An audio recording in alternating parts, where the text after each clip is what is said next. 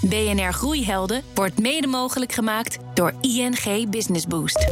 BNR Nieuwsradio. Groeihelden. Meindert Schut. Er zijn er inmiddels miljoenen van, maar hoe krijg je jouw eigen applicatie nou eigenlijk succesvol? Welkom bij BNR Groeihelden met vandaag twee groeibedrijven die hun diensten leveren in een app. Hoe zorgen ze ervoor dat steeds meer mensen hun applicatie willen gebruiken? Welke verdienmodellen passen ze eigenlijk toe? En zijn er nieuwe functies waarover ze s'nachts licht te dromen? En dit zijn de groeihelden van deze week. Deze week. Hij komt uit een echt ondernemersnest met een eh, vader als IT-ondernemer. Wanneer hij daarbij klust, ontmoet hij de oprichters van een app die waarschuwt voor flitspalen. De oprichters trekken hem in 2011 aan boord en dan begint de app pas echt met groeien. Jorn de Vries van Flitsmeister, met hoeveel procent zijn jullie in 2018 gegroeid? Uh, ruim 20 procent aan uh, nieuwe gebruikers. En dan het starten met een sms-dienst om reizigers te informeren over hun vluchttijden. Al gauw maakte hij de overstap naar de markt voor zakenreizigers. Zijn app wil deze groep frequent flyers volledig helpen te ontstressen. Jeroen van Velzen van Roadmap. Hoe hoog kwam de groei uit het afgelopen jaar?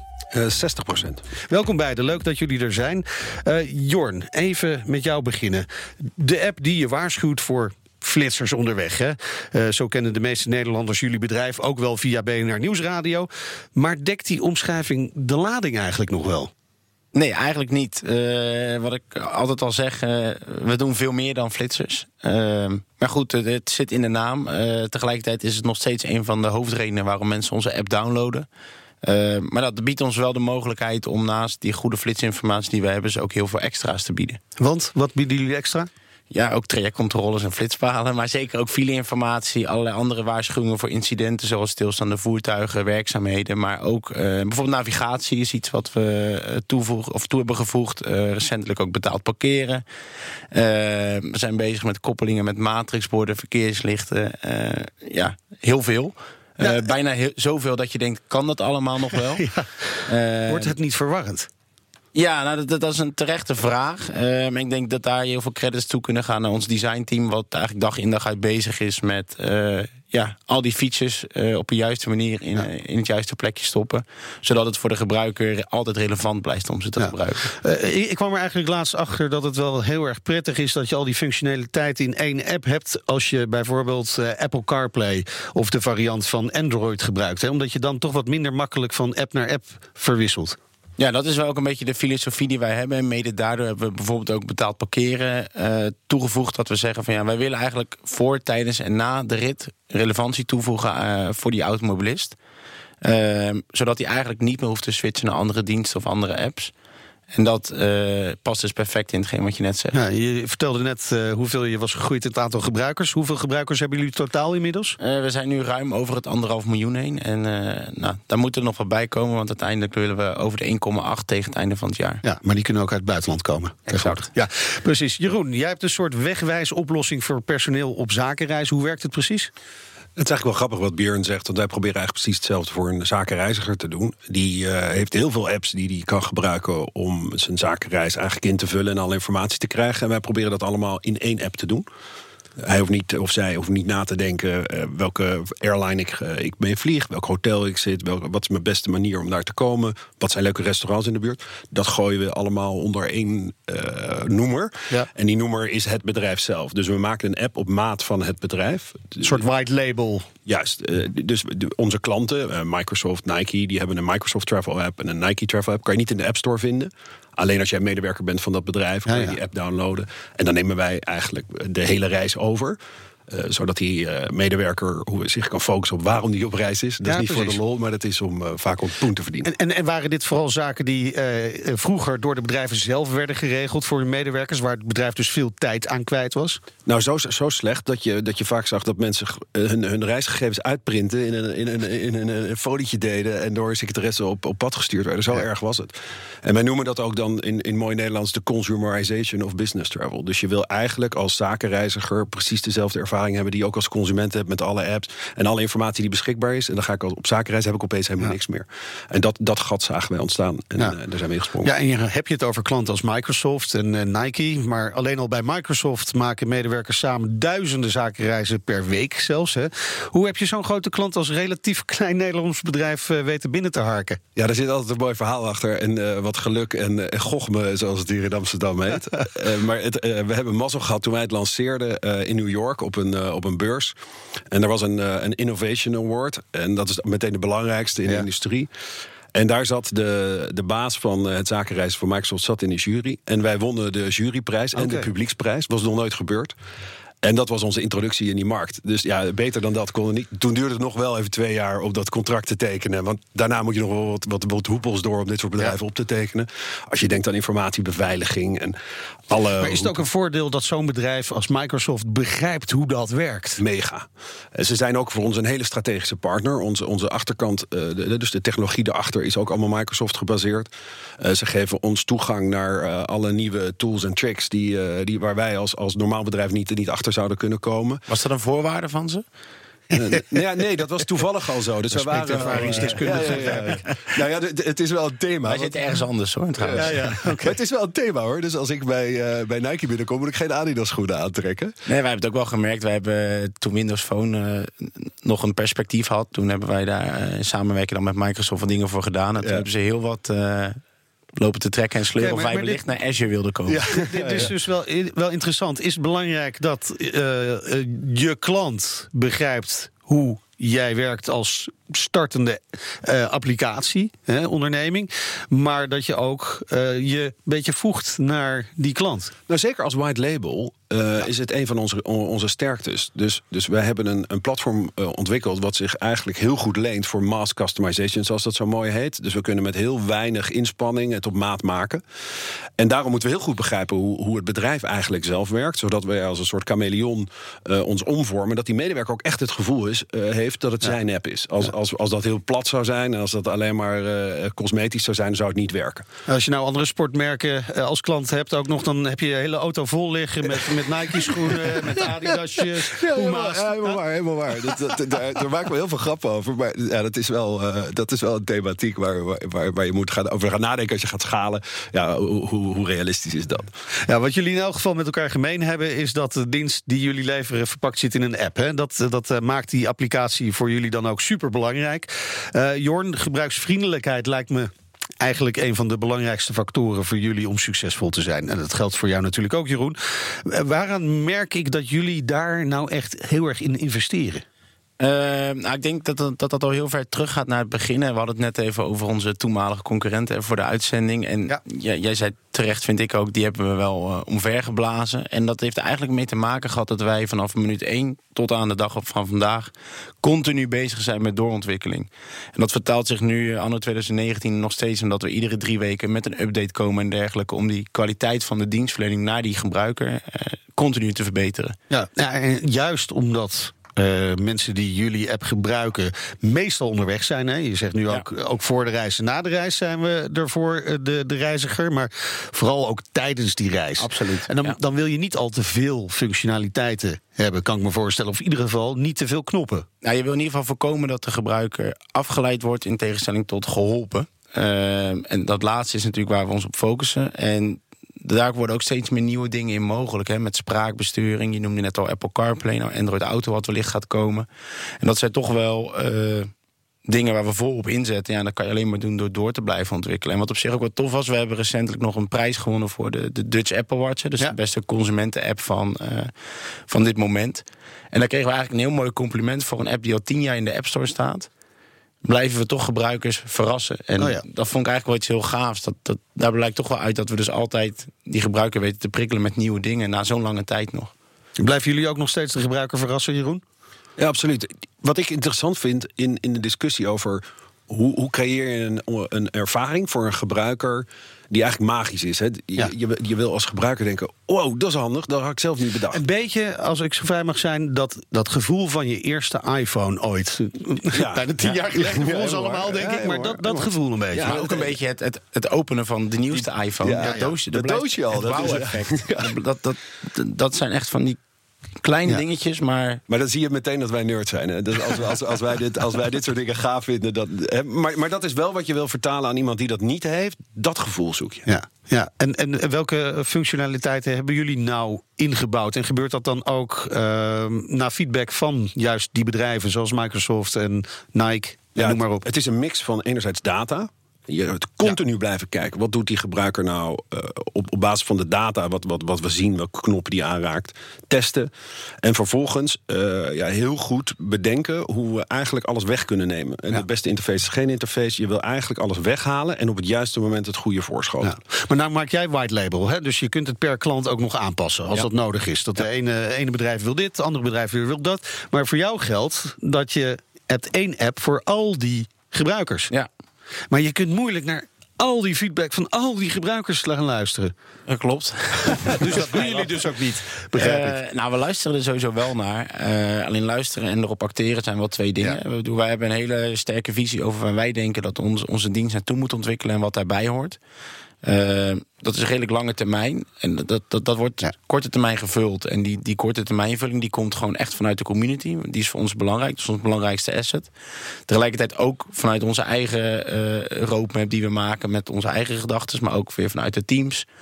Eh, daar spelen ook weer nieuwe ontwikkelingen vanuit de technologie in mee. Eh, en zo heb je eigenlijk een continue voeding waar die gebruiker ook echt wel centraal staat. Ja, maar hoe snel gaat die ontwikkeling? Die vraag is een beetje voor jullie beiden. Hè? Want die technologische ontwikkeling die gaat ook maar voort. De wensen en de ervaringen van de gebruikers die gaan ook steeds, die worden steeds veel eisender, kan ik me voorstellen. Hoe hou je dat allemaal bij? Ja, hele slimme mensen in huis hebben. Ja. Dat is één. Eh, twee, eh, openstaan en nederig blijven. Dus Ja. niet denken dat jij de wijsheid in pacht hebt. Ik denk dat wat Björn zegt heel goed is... dat je gedreven wordt door visie of noorderlicht... waarvan je voor jezelf het gevoel hebt... hé, hey, daar gaat het uiteindelijk naartoe. Eh, en tegelijkertijd eh, op, op data blijven acteren... eh, en, en feiten blijven zien. Dat, dat is een beetje de combinatie. Maar dat is meer magie dan dat het wetenschap is. BNR Nieuwsradio. Groeihelden. Elke week praat ik in deze uitzending met een ondernemer over zijn of haar ondernemersheld. En daarvoor is aangeschoven Geert Doek van Towel Media. En eh, Geert, eh, jouw groeiheld is Victor Knaap. Ja, precies. Victor Knaap. En dat is eigenlijk een waanzinnig eh, mooi verhaal. Eh, die hebben ooit twintig jaar geleden eh, Media Monks opgericht. Dat is een digitale studio. Die maakte allerlei websites, maar ook apps. Heeft hij gedaan met Wesley Ter Haar. En dat is gigantisch gegroeid. In twintig jaar tijd zijn ze naar twaalf vestigingen in de wereld gegaan. En ja, naar een veelvoud aan omzet. En onlangs zijn ze verkocht aan Sir Martin Sorrell. Dat is een van de oprichters ooit van WPP geweest. Een heel groot reclameconcern. Dus ja, een waanzinnig mooie groei hebben die doorgemaakt. Ja, eh, 300 miljoen was daarmee gemoeid, geloof ik. hè? Ja, 300 miljoen. En eh, ze gaan nog even verder bouwen. Dus eh, ik denk dat de heren dat je daar nog heel veel van gaat horen. Ja. En Nou, nou zijn er natuurlijk veel meer groeiondernemers. Maar wat maakt hem speciaal voor jou? Nou, ik denk dat het vooral heel speciaal is doordat zij gewoon echt heel klein begonnen zijn. Gewoon met een klein groepje van drie, vier mensen. En vooral heel veel focus hebben gehad. En altijd gedacht hebben, we willen de aller, allerbeste worden. Eh, en daar geloof ik ook heel erg in. Van die groei die komt wel als je maar vooral heel veel focus hebt. En niet te veel afleiding zoekt en allerlei projectjes doet. Maar je gewoon op de kern richt. En dat hebben zij heel goed gedaan. En hoe zien we die focus dan terug bij, eh, bij je eigen bedrijf, Towel Media? Ja, dat doen wij vooral ook. Wij willen vooral de beste zijn in branded videocontent. Ehm en die groei die komt dus voornamelijk uit doordat we veel meer steeds doen. En ook voor steeds grotere klanten en vooral ook internationaal. Eh, en dus ik geloof heel erg in dat model. Dus niet allerlei steeds maar uitbreiden naar verschillende kleine dingetjes. Maar vooral je heel erg focussen. En natuurlijk wel een klein beetje uitbreiden binnen diezelfde strategie. Maar niet te veel gekke dingen doen. Dankjewel, Geert Doek van Towel Media. En zometeen, hoe zit het met het verdienmodel waarvoor mijn groeihelden hebben gekozen? BNR Nieuwsradio. Groeihelden. Je bedrijf in een app. In deze uitzending praat ik met Jeroen van Velzen, medeoprichter van Roadmap. Dat is een bedrijf eh, dat heeft een app voor zakenreizigers. En ook de gast is Jorn de Vries, een van de drijvende krachten achter het succes van Flitsmeister. Jorn, ooit eh kostte het geld om jullie app te downloaden, toch? Ja, 2,39 euro. 2,39 euro. Inmiddels zijn jullie voor de grote groep gemeente gratis. Je kunt altijd nog wel een pro-abonnement nemen. Maar hoe, hoe heb je die shift gemaakt? Nou, we hebben toen op één dag eh, de app gratis aangeboden als, als, als een stunt, eigenlijk zeggen, als actie. Nou, dat resulteerde in die dag, op, meer, resulteerde in op die dag meer downloads dan het hele jaar daarvoor. Oh ja. Dus dat was wel een bevestiging voor ons dat er nou, dat Nederlanders gewoon een beetje gierig zijn. Dat, daar hoeven we ons niet voor te schamen. Nog belangrijker dat er gewoon heel veel vraag was naar een dienst als flitsmeister. Ja. En we hebben toen echt wel het- geloof gehad van als we die massa gaan bouwen, dan kunnen we onze data gaan verbeteren. En nou, toen begon het echt net een beetje met van data en big data, al die, die buzzwords. En daar hadden wij wel zoiets van, nou, daar moeten we wat creatiefs mee kunnen. En we kunnen ook altijd nog een advertentiemodel inbouwen. Ja, maar toch lijkt het me waanzinnig spannend als je eigenlijk de enige manier waarop je dat moment geld verdient, gewoon helemaal opzij schuift. Ja, dat klopt. Dat was ook best wel spannend. Eh, tegelijkertijd waren wij wel eh, op dat moment zeg maar, in, in een omgeving aan het werk. eh, waarbij we nog niet fulltime er ook mee bezig waren. Waardoor we nou, het risico om die keuze te nemen was iets lager dan dat je echt zou zeggen: ik laat alles achter en ik ga daar vol voor. Ja, maar hoe, hoe ziet jullie businessmodel er dan nu? Want het is succesvol gebleken. Hè? En Ja. jullie hebben nu een ander businessmodel. Dat heeft met die data te maken, onder meer. Hoe, hoe verdienen jullie nu geld? Ja, eigenlijk al onze businessmodellen zijn eh, niet op de consument gericht, behalve dan het betaalde account om advertising uit te zetten. Nou, advertising is dus een model. Ehm, en daarnaast hebben we heel veel modellen, in, in- ook in de overheidssector, waarbij we bijvoorbeeld steden, gemeentes helpen met hele directe communicatie naar automobilisten over afsluitingen, over Juist, ja. eh, aankomende hinder. Eh, we verkopen eh, bewegingsdata die we volledig anoniem verzamelen voor, analyse doeleinden of voor digitale kaarten te updaten. Eh, we, we helpen het ministerie bijvoorbeeld met het innoveren op het gebied van verkeerslichten en matrixborden, waarbij we koppelingen leggen dat je bijvoorbeeld in de app kunt zien hoe lang het duurt voordat het verkeerslicht weer op rood gaat. Allemaal van zulke soort zaken. En dat zijn allemaal wel ja, strategische, maar tegelijkertijd commerciële dingen. Zou je uiteindelijk ook van eh Flitsmeister een eh, white label app voor bedrijven kunnen maken? Ja, en we hebben momenteel een white label eh, in het buitenland ergens. Oh. Ik moet wel zeggen, ik ben niet ik ben 100% zeker dat we dat in de toekomst verder uit willen bouwen. Maar waar we wel heel erg in geloven is onze core technologie in licentievorm distribueren eigenlijk. Zodat andere partijen niet het wiel opnieuw uit hoeven te vinden. Want, want de, de vraag is: is er in de consumentenmarkt uiteindelijk nog wel plek voor betaalde apps? Hè? Dat is, ja, jij denkt van wel, Jeroen? Nou, als het specialistisch genoeg is. En eh, de markt is zo verzadigd in, in termen van alles wat, wat, wat voor grote dingen al gedaan is. Dat is, al, ge- ja, dat is allemaal gebeurd. Maar er zijn altijd niches voor, voor kleinere doelgroepen die zo gespecialiseerd zijn. Dat je daar prima geld voor kan verdienen. Maar, maar dan is het inderdaad een niche. Dan gaat het niet over de massa. Nee, maar ik ben bijvoorbeeld naast Flitsmeister nu met een aantal anderen ook nog een dating app eh, Oh. aan het ontwikkelen. Eh, Via Flitsmeister ook daten straks. eh, ja, nee, dat nog Nee, maar dat is een hele andere er doelgroep. een waarbij je- partner 500 meter voor je. Ja, maar waarbij je echt op een niche richt. En daar is het Ja. dan om die niche te borgen en te bereiken, kan je daar weer gewoon geld voor vragen. Het is een heel ander, ander systeem eigenlijk. Ja. Jullie werken natuurlijk met een abonnementsmodel, Jeroen. Ja, het is een software licentie, SaaS, zoals dat zo Ja, mooi heet. software as a service. Yes, there you go. En, en, en dat is eigenlijk een heel logisch model voor onze klanten. Dat kennen ze. Eh, daar hebben ze de, de inkoopmechanismes voor. En eh, dat werkt voor ons goed. We hebben begonnen met een transactiemodel. Dus we begonnen te denken: oké, jij gaat op reis en betaal je een euro per reis. Ja. En, en dat bleek eigenlijk ja, te ingewikkeld. Want zo- zo'n bedrijf wil van tevoren gewoon weten hoeveel die uit gaat geven. Ja, en eh, het betekent natuurlijk wel eh, dat jouw klanten iets meer betalen voor zakenreizen wanneer het via de reguliere, dan als het via de reguliere weg gaat. Hè? Maar jij zegt dan daartegenover bespaar je veel geld, kan ik me voorstellen. Ja, eh, op Dat kun je ook hard maken natuurlijk. Ja, hè? eh, tuurlijk. Eh, en met een goed verhaal eh, krijg je veel verkocht eh, op dat vlak.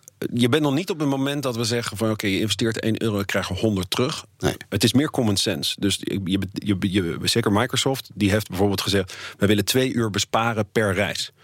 Als je dat vertaalt naar eh, Ja. productiviteit en, en geld... eh, levert dat eh, een, een duizendfout op. En, en dat, dat is waar je probeert eh, langs, langs te ontwikkelen. En dus zo ga je ook je prijs verder bepalen. BNR Nieuwsradio. Groeihelden. Het is weer tijd voor onze wekelijkse mini-masterclass. En deze keer met Kees de Jong van NL Groeit. Je hebt snelle groei Dat is eh, volgens de klassieke theorie is dat wanneer je meerdere jaren achter elkaar minimaal 20% groeit. en er bestaat zoiets als onstuimige groei. En dat is Wanneer jij je product lanceert, ehm, eh, eh, de nieuwe website komt uit en opeens een overvloed aan bestellingen. Eh, of die, die klant, die, die, die, die offerte, die gaat toch door en een andere offerte komt door. En, en dus uiteindelijk heb je, ja, heb je een luxe probleem, eh, wat het heet. ja mooi natuurlijk, want dit zijn immers de problemen die je wilt oplossen.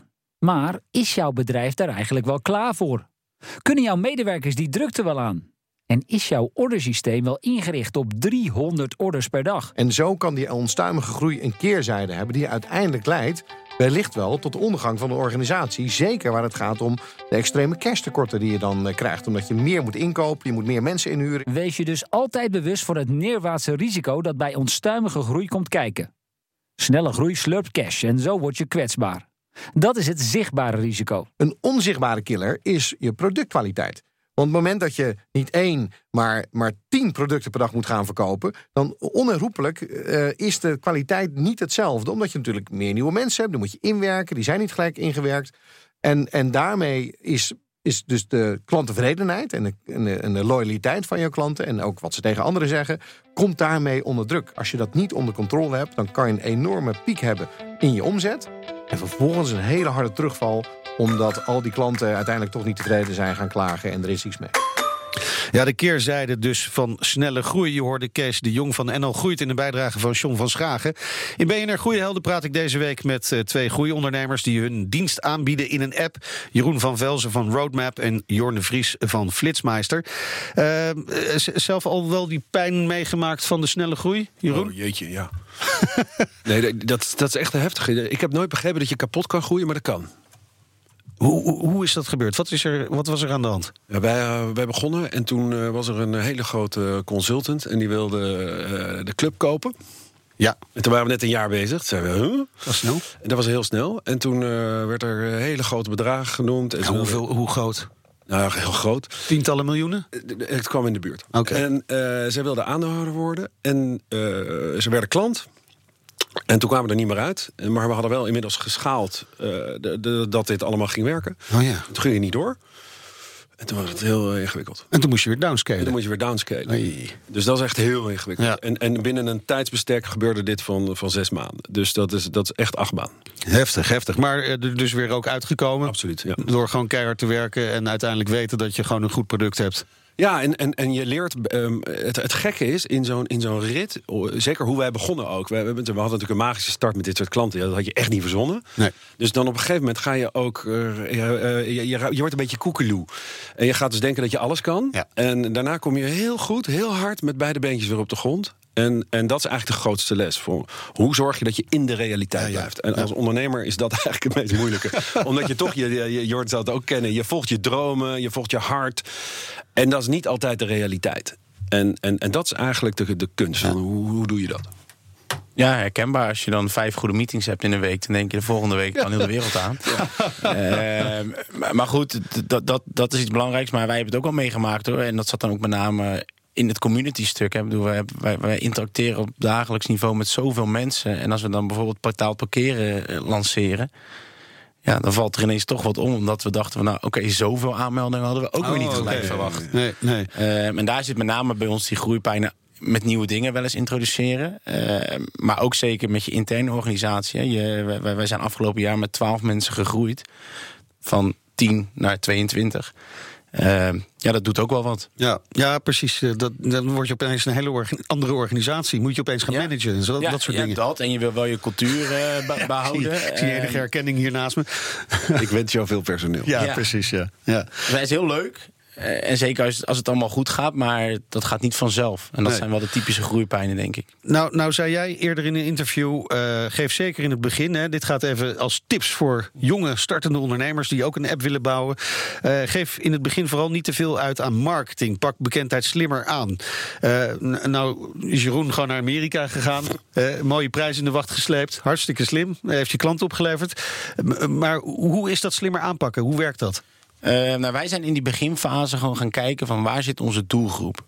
Uh, en toen kwamen we natuurlijk heel snel achter dat hij dus in de auto zat. Op zich best logisch. Ja. Maar wat doet hij daar? Uh, nou, inmiddels wordt heel veel naar Spotify en zo geluisterd. Maar toen werd er gewoon vooral naar de radio geluisterd. En daar werd verkeersinformatie gedistribueerd door de radiozenders. En zo zijn wij uiteindelijk ook contact gaan zoeken met radiozenders. En jullie waren daar het eerste ja. grote voorbeeld van. Waarmee we zijn gaan samenwerken. Gewoon, wij hebben gezegd van nou, wij kunnen onze data ter beschikking stellen kunnen jullie je flitslijn afschaffen. En in ruil daarvoor moet je af en toe onze naam even noemen. En dat heeft ons in die tijd eigenlijk niks extra's gekost... behalve onze diensten operationeel houden. Uh, maar we hadden ook gewoon geld op kunnen gaan halen... en voor een miljoen marketing ja. uit kunnen geven. Alleen, dit zijn wel de lange termijn dingen. En daar ben ik wel een groot voorstander van. Want heel veel commerciële uh, advertenties zeg maar, die je plaatst... die zijn ook weg voordat ze ja, als ze afgelopen zijn. En zo'n samenwerking als dit, of bijvoorbeeld redactionele content verspreiden op basis van onderzoek dat je kan doen op basis van data die je hebt, dat zijn dingen die blijven. En daar geloof ik wel heel erg in. Zeker. Jeroen, jij nog een tip? Ja, ik, ik, ik hou van twee dingen. Eén, je moet echt een probleem oplossen. Dus je moet iets, iets vinden wat, je, wat dicht bij jou staat, wat je graag wil oplossen. Dat is één. En twee, je moet ook iets oneindigs maken. Dus je moet iets maken waar je oneindig in door kan blijven gaan. En die twee moet je allebei aan elkaar zien te knopen. Als je één van de twee niet hebt, you're dead on arrival. Dank jullie wel en heel veel succes met de groei van jullie bedrijf. Jorn de Vries van Flitsmeister en Jeroen van Velsen van Roadmap. Terugluisteren kan op Spotify, in iTunes en in de BNR-app. En daar vind je ook onze andere afleveringen en podcasts over groei. Volgende week zijn we er natuurlijk weer. En dan is onder meer te gast de CEO van Teamleader. En gaat het over online tools voor MKB-ondernemers. En tot die tijd zeg ik, lekker blijven doorgroeien. BNR Groeihelden wordt mede mogelijk gemaakt door ING Business Boost.